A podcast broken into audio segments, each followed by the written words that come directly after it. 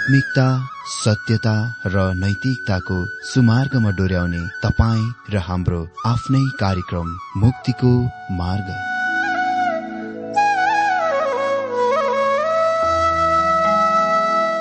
आदरणीय श्रोता यस मुक्तिको मार्ग कार्यक्रममा हार्दिक स्वागत छ। आशा छ यस आत्मिक कार्यक्रमद्वारा जीवनमा आत्मिक आशिष अलौकिक शान्ति र आनन्द प्राप्त गर्नुहुनेछ। र जीवनमा धन्य अनुभव गर्नुहुनेछ। आउनुहोस् श्रोता। मन र आत्माको तयारीको लागि यो मिठो अनि मधुर भजन गीत सुनौ।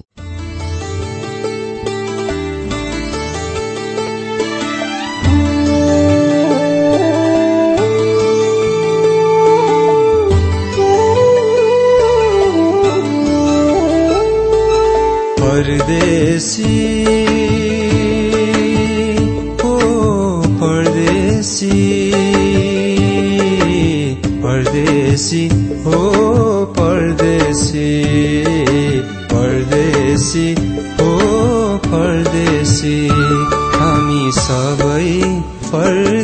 परदेशी जस्तै आज यहाँ भोलि कहाँ? हामी सबै परदेशी जस्तै आज यहाँ भोलि कहाँ?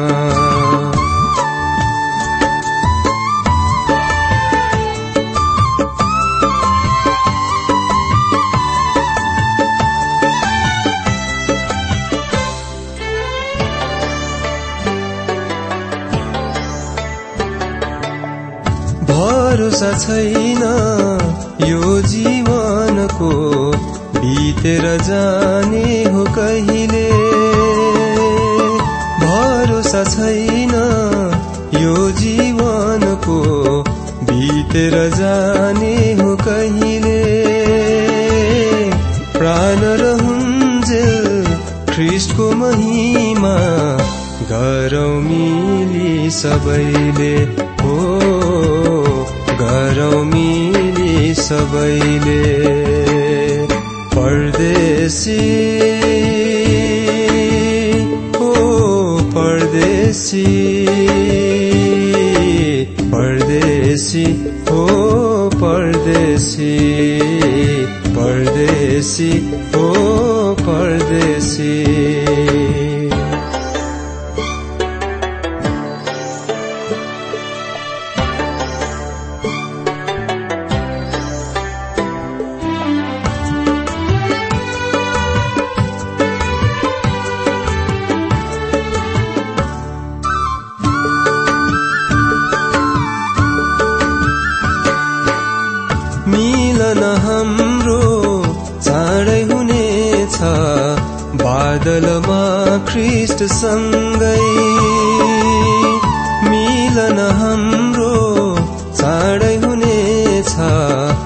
बादलमा ख्रिस्ट सँगै जानेछौ हामी कञ्चन सहरमा यीशुसँग सदा बस्नलाई। हो यीशुसँग सदा बस्नलाई। परदेशी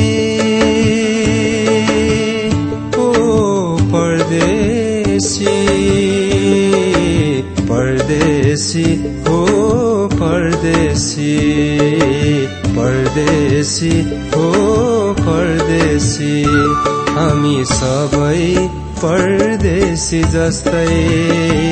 आज यहाँ भोलि कहाँ? हामी सबै परदेशी जस्तै। आज यहाँ भोलि कहाँ? आज यहाँ भोलि कहाँ? आज यहाँ भोलि कहाँ?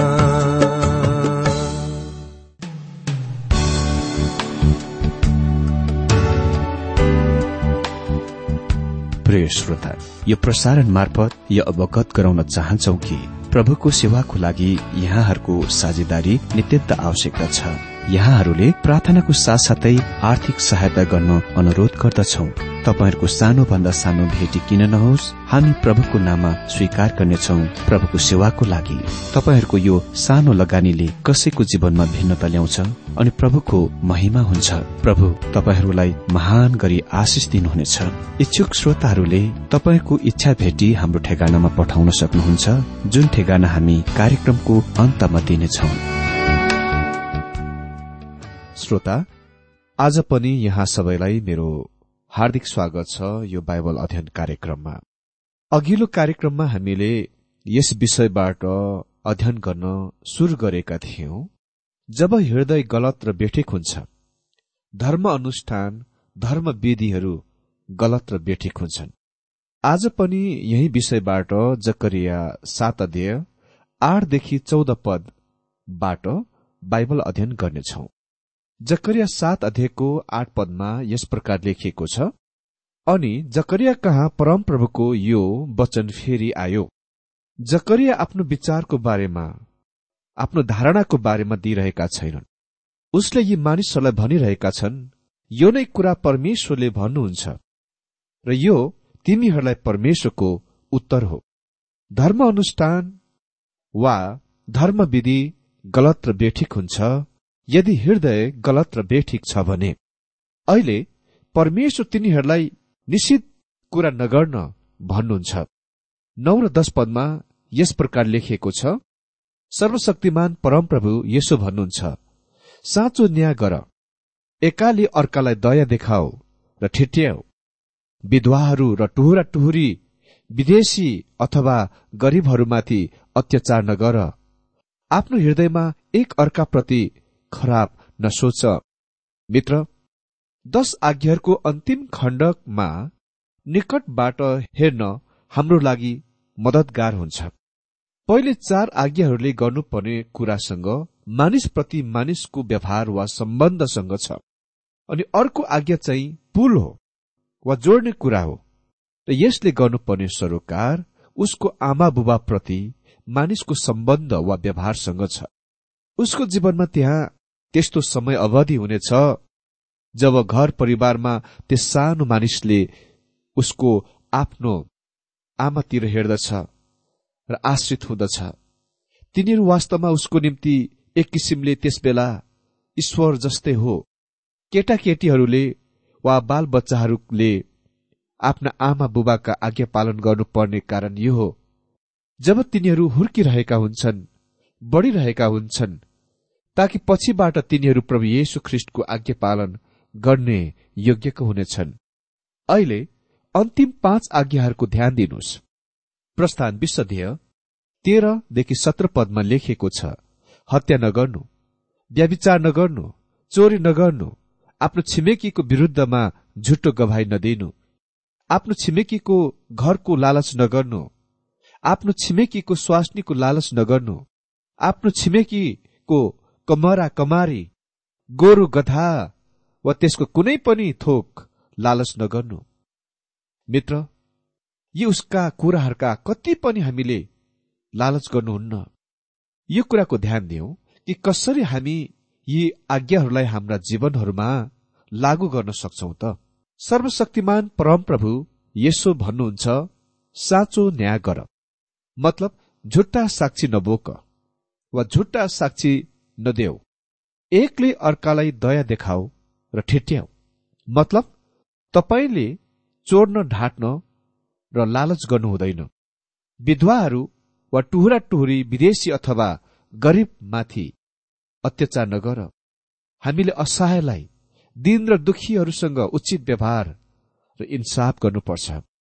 आफ्नो हृदयमा एका अर्काप्रति खराब नसोच। प्रभु येशुले सम्पूर्ण आज्ञाहरू उच्च स्तरमा ल्याउनु भएको छ यद्यपि उहाँले खालि दुई आज्ञाहरूको नमुनाहरूको रूपमा बताउनुभयो। तर उहाँले भन्नुभयो यदि तपाईँ आफ्ना भाइहरूसँग रिसाउनु भए तपाईँ हत्याको दोषी हुनुहुन्छ। परमेश्वर भनिरहनु भएको छ यद्यपि इसरायलीहरू धर्म अनुष्ठानहरूका धर्मविधिहरूका पालन गरिरहेका भए तापनि तपाईँले ती कुराहरूलाई आइतबार सोमबार मंगलबार बुधबार बिहिबार र शुक्रबारमा भेट्नु पर्दछ पूरा गर्नु पर्दछ। शुक्रबार रातमा तिनीहरू फेरि धर्म अनुष्ठानहरूको धर्मविधिहरूको पालन गर्न आरम्भ गर्थे र तिनीहरूले व्रत उपवास बस्थे विलाप गर्थे रुन्थे र भेटी र बलिदानहरू ल्याउँथे।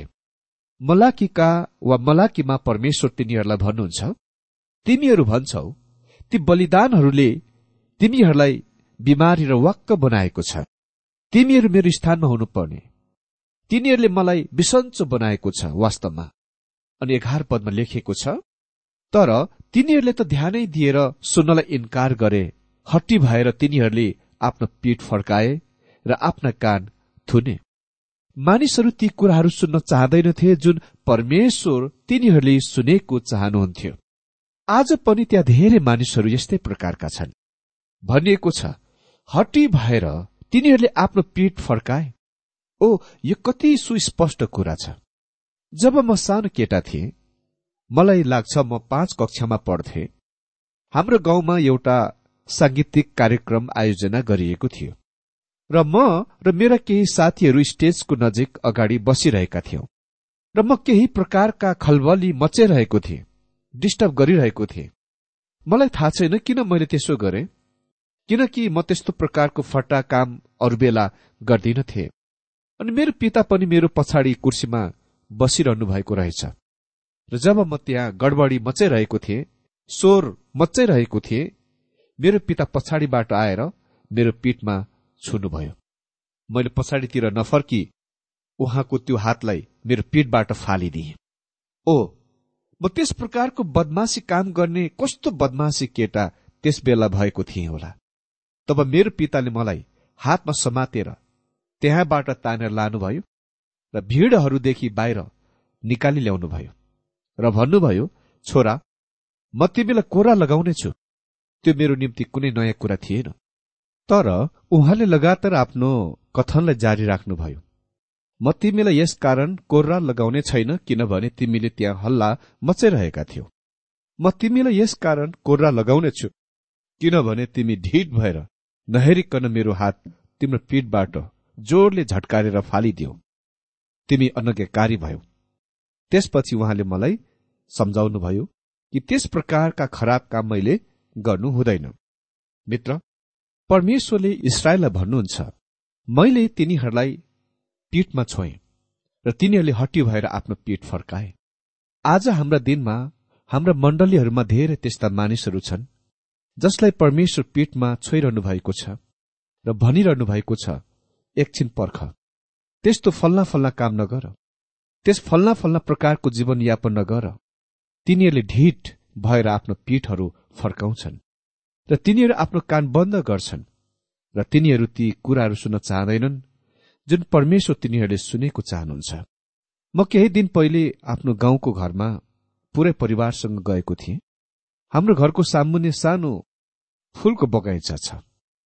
र एक दिन मैले आफ्नो सानो छोरीलाई लिएर फूलहरू हेर्दै गोडमेल र छाड्दै थिएँ। मेरो छोरीले केही त्यस्तो काम गरिन् जुन तिनले नगर्नु पर्ने। तिनले सुन्दर फक्रिरहेको फूलहरू टिप्दै बर्बाद गरिन्।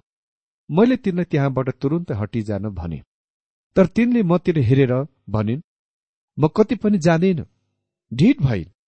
तिनी निरन्तर आफ्नो पीठ मतिर फर्काई र आफ्नो सैतानी काम सुरु गर्न थालिन् मैले आफ्नो हात तिनको पीठमा त्यो बदमास काम रोकाउनलाई लगाएर छोएँ।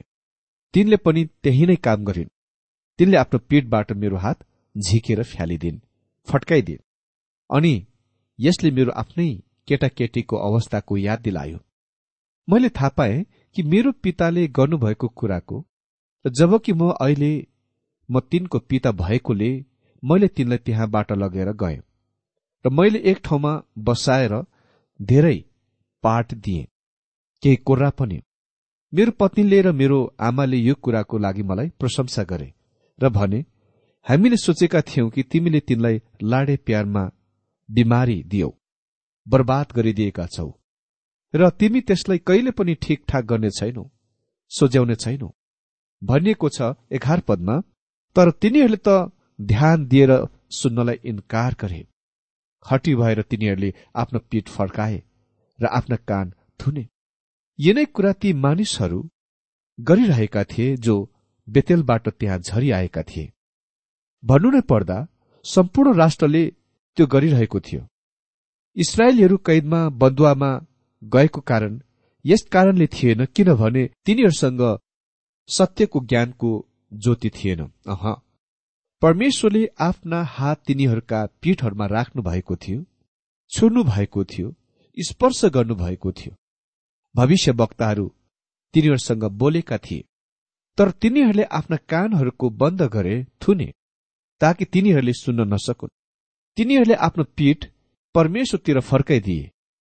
तिनीहरूले ती आज्ञाहरू तोडे जुन परमेश्वरप्रति सम्बन्धित छ र तिनीहरू उहाँको सामने दोषी थिए। धार्मिक अनुष्ठानका पालनले तपाईँलाई अलिकति पनि असल गर्ने छैन फाइदा गर्ने छैन यदि तपाईँका हृदयहरू सही र ठिक छैन भने। जबसम्म तपाईँ आफ्नो जीवनको सोझ्याउनुहुन्न ठिकठाक गर्नुहुन्न धार्मिक बन्ने काममा कुनै अर्थ छैन। त्यो व्यर्थ छ। वास्तवमा त्यसले तपाईँलाई त्यस जमात र झुटका वर्गका मानिस मात्र बनाउँछ जसलाई प्रभु येशु ख्रिस्टले पाखण्डीहरू भन्नुभयो। के तपाईँले कहिले यो कुराको ध्यान दिनुभएको छ? उहाँले कदापि पनि विश्वासीहरूलाई पाखण्डी नभन्नु भएको बाइबलमा तपाईँ कहिले पनि यो कुरा पाउनुहुन्न कि वास्तविक साँचा विश्वासीहरूलाई पाखण्डी भनिएको?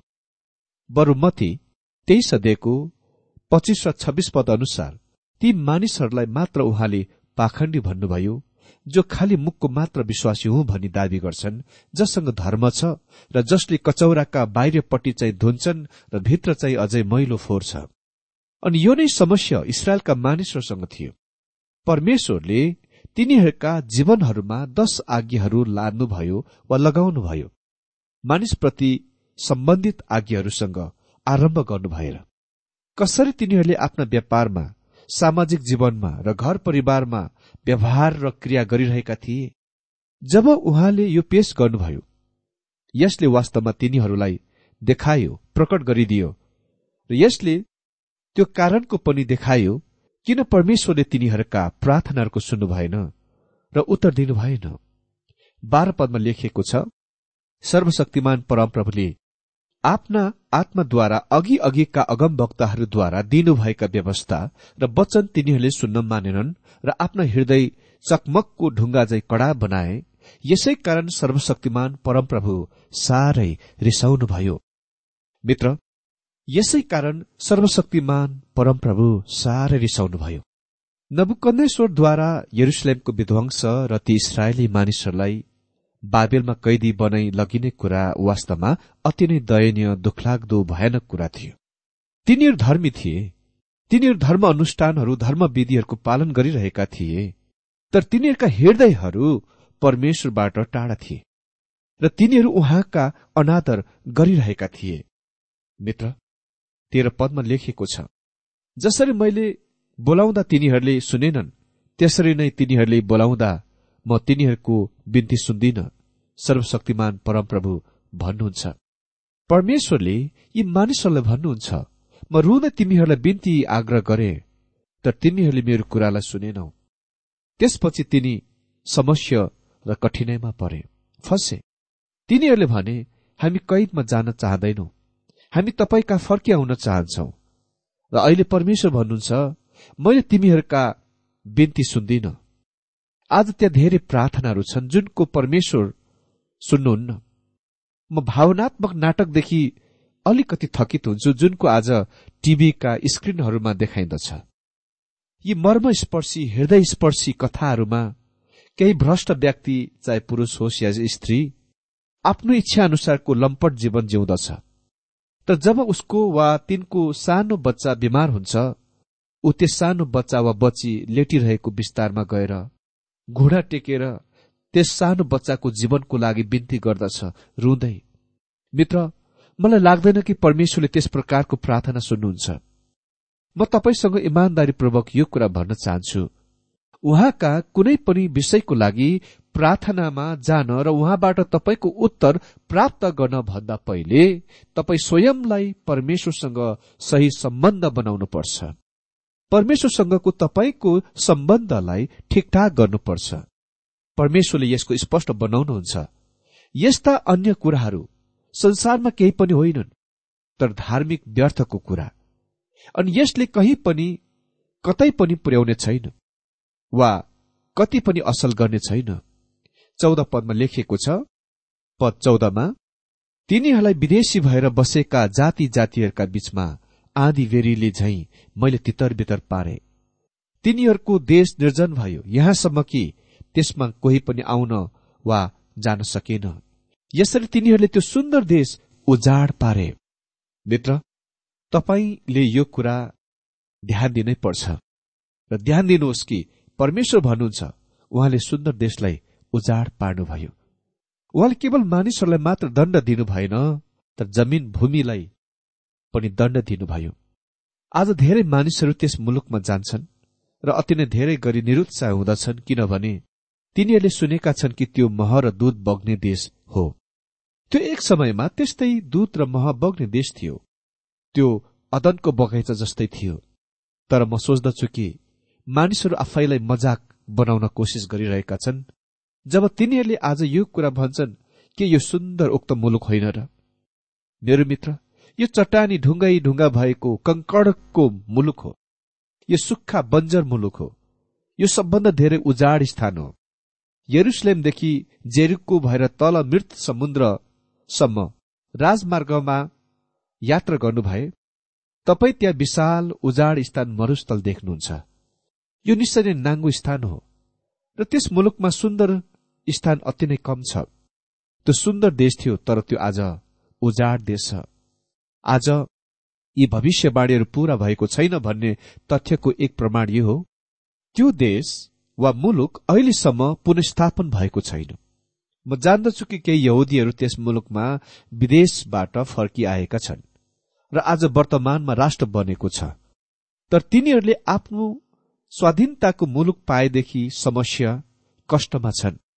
अहिले यो वर्तमान समयमा पनि त्यो विश्वको एक सबभन्दा संवेदनशील स्थान हो। आज त्यहाँ अशान्तिमा मानिसहरू बाँचिरहेका छन्।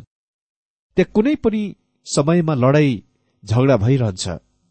आज त्यहाँको ट्याक्स कर संसारको सबभन्दा धेरै छ। के तपाईँ त्यसलाई प्रतिज्ञाको मुलुक भन्नुहुनेछ? अनि के त्यस तमाम कुराको लागि परमेश्वरलाई नै उत्तरदायी जिम्मेवारीको रूपमा विचार गर्नुहुन्छ? मलाई लाग्दैन कि उहाँले ती केही संख्यामा यहुदीहरूलाई वर्तमान समयमा त्यस मुलुकमा फर्काइ ल्याउनुभयो अनि आज धेरै मानिसहरू जो त्यहाँ छन् त्यस मुलुकलाई छोड्न चाहन्छन्। मेरो मित्र इसरायल अझै उजाड स्थान छ तर यो कुनै दिन फेरि सुन्दर स्थान बन्न गइरहेको छ। परमेश्वर आजको यो बाइबल अध्ययनद्वारा हरेकलाई धेरै धेरै आशिष दिनुभएको होस्।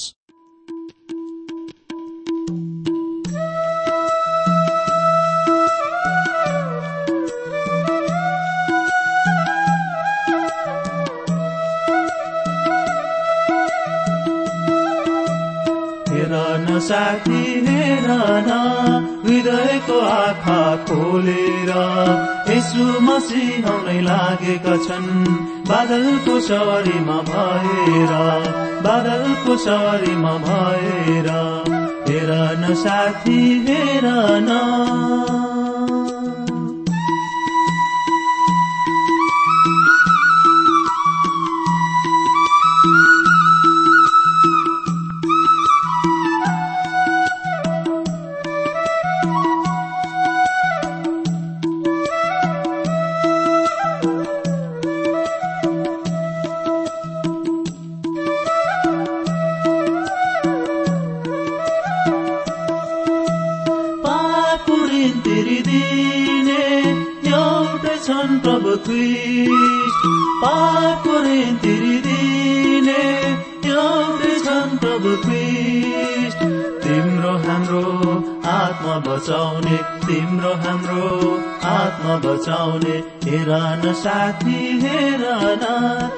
हृदयको आँखा खोलेर यसो मसी आउने लागेका छन्। बादलको सवारीमा भएर बादलको सवारीमा भएर हेर न साथी हेर न।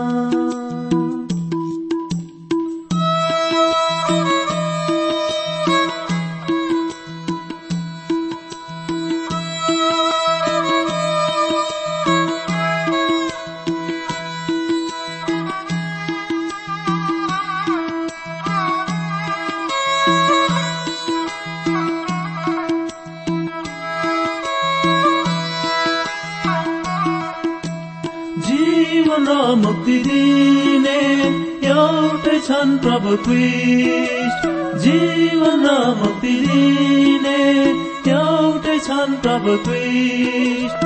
तिम्रो हाम्रो आत्मा बचाउने तिम्रो हाम्रो आत्मा बचाउने हेर न साथी हेर न हृदयको आँखा खोलेर यसु मसी आउनै लागेका छन्।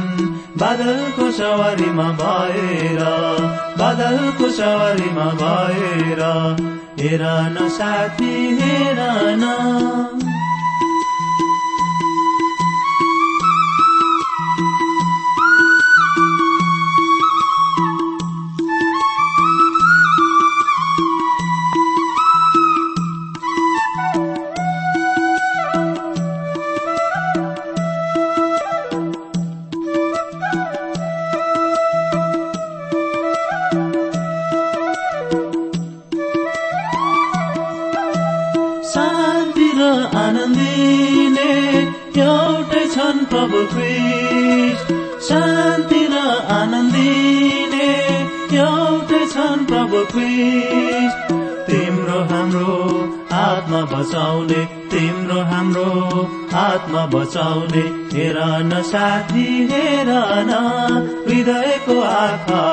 खोलेर यसु मसी आउनै लागेका छन्।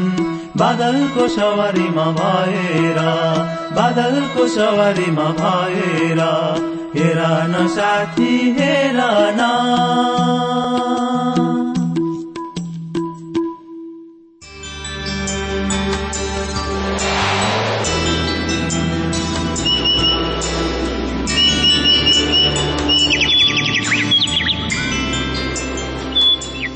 श्रोता अहिले भर्खरै तपाईँले टीडब्ल्यूआर नेपालद्वारा संचालित आत्मिक कार्यक्रम मुक्तिको मार्ग सुनिरहनु भएको थियो। श्रोता आजको यो कार्यक्रम सुनेर तपाईँलाई कस्तो लाग्यो? यदि यो कार्यक्रम सुनेर मनमा कुनै खुल्दुली वा कुनै प्रतिक्रिया अर्थात सुझावहरू छन् भने हामीलाई पत्रद्वारा लेख्न सक्नुहुनेछ।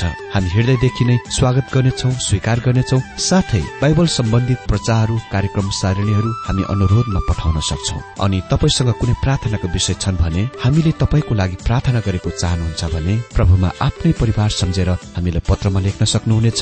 तपाईँको लागि हामी प्रभु येशुसँग प्रार्थना गर्नेछौ। अधिक जानकारी र पत्रचारको लागि हाम्रो ठेगाना यस प्रकार छ। कार्यक्रम मुक्तिको मार्ग जीपीओ नम्बर उनानब्बे पचहत्तर इपिसी पच्चिस एकसठी काठमाडौँ। ठेगाना एकपल्ट सुन्नुहोला। कार्यक्रम मुक्तिको मार्ग जीपीओ नम्बर उनानब्बे पचहत्तर इपिसी पच्चिस एकसठी काठमाडौँ। हाम्रो इमेल एड्रेस हो TWR Nepal at Yahoo dot com. साथै यस नम्बरमा एसएमएस गर्न सक्नु सक्नुहुनेछ।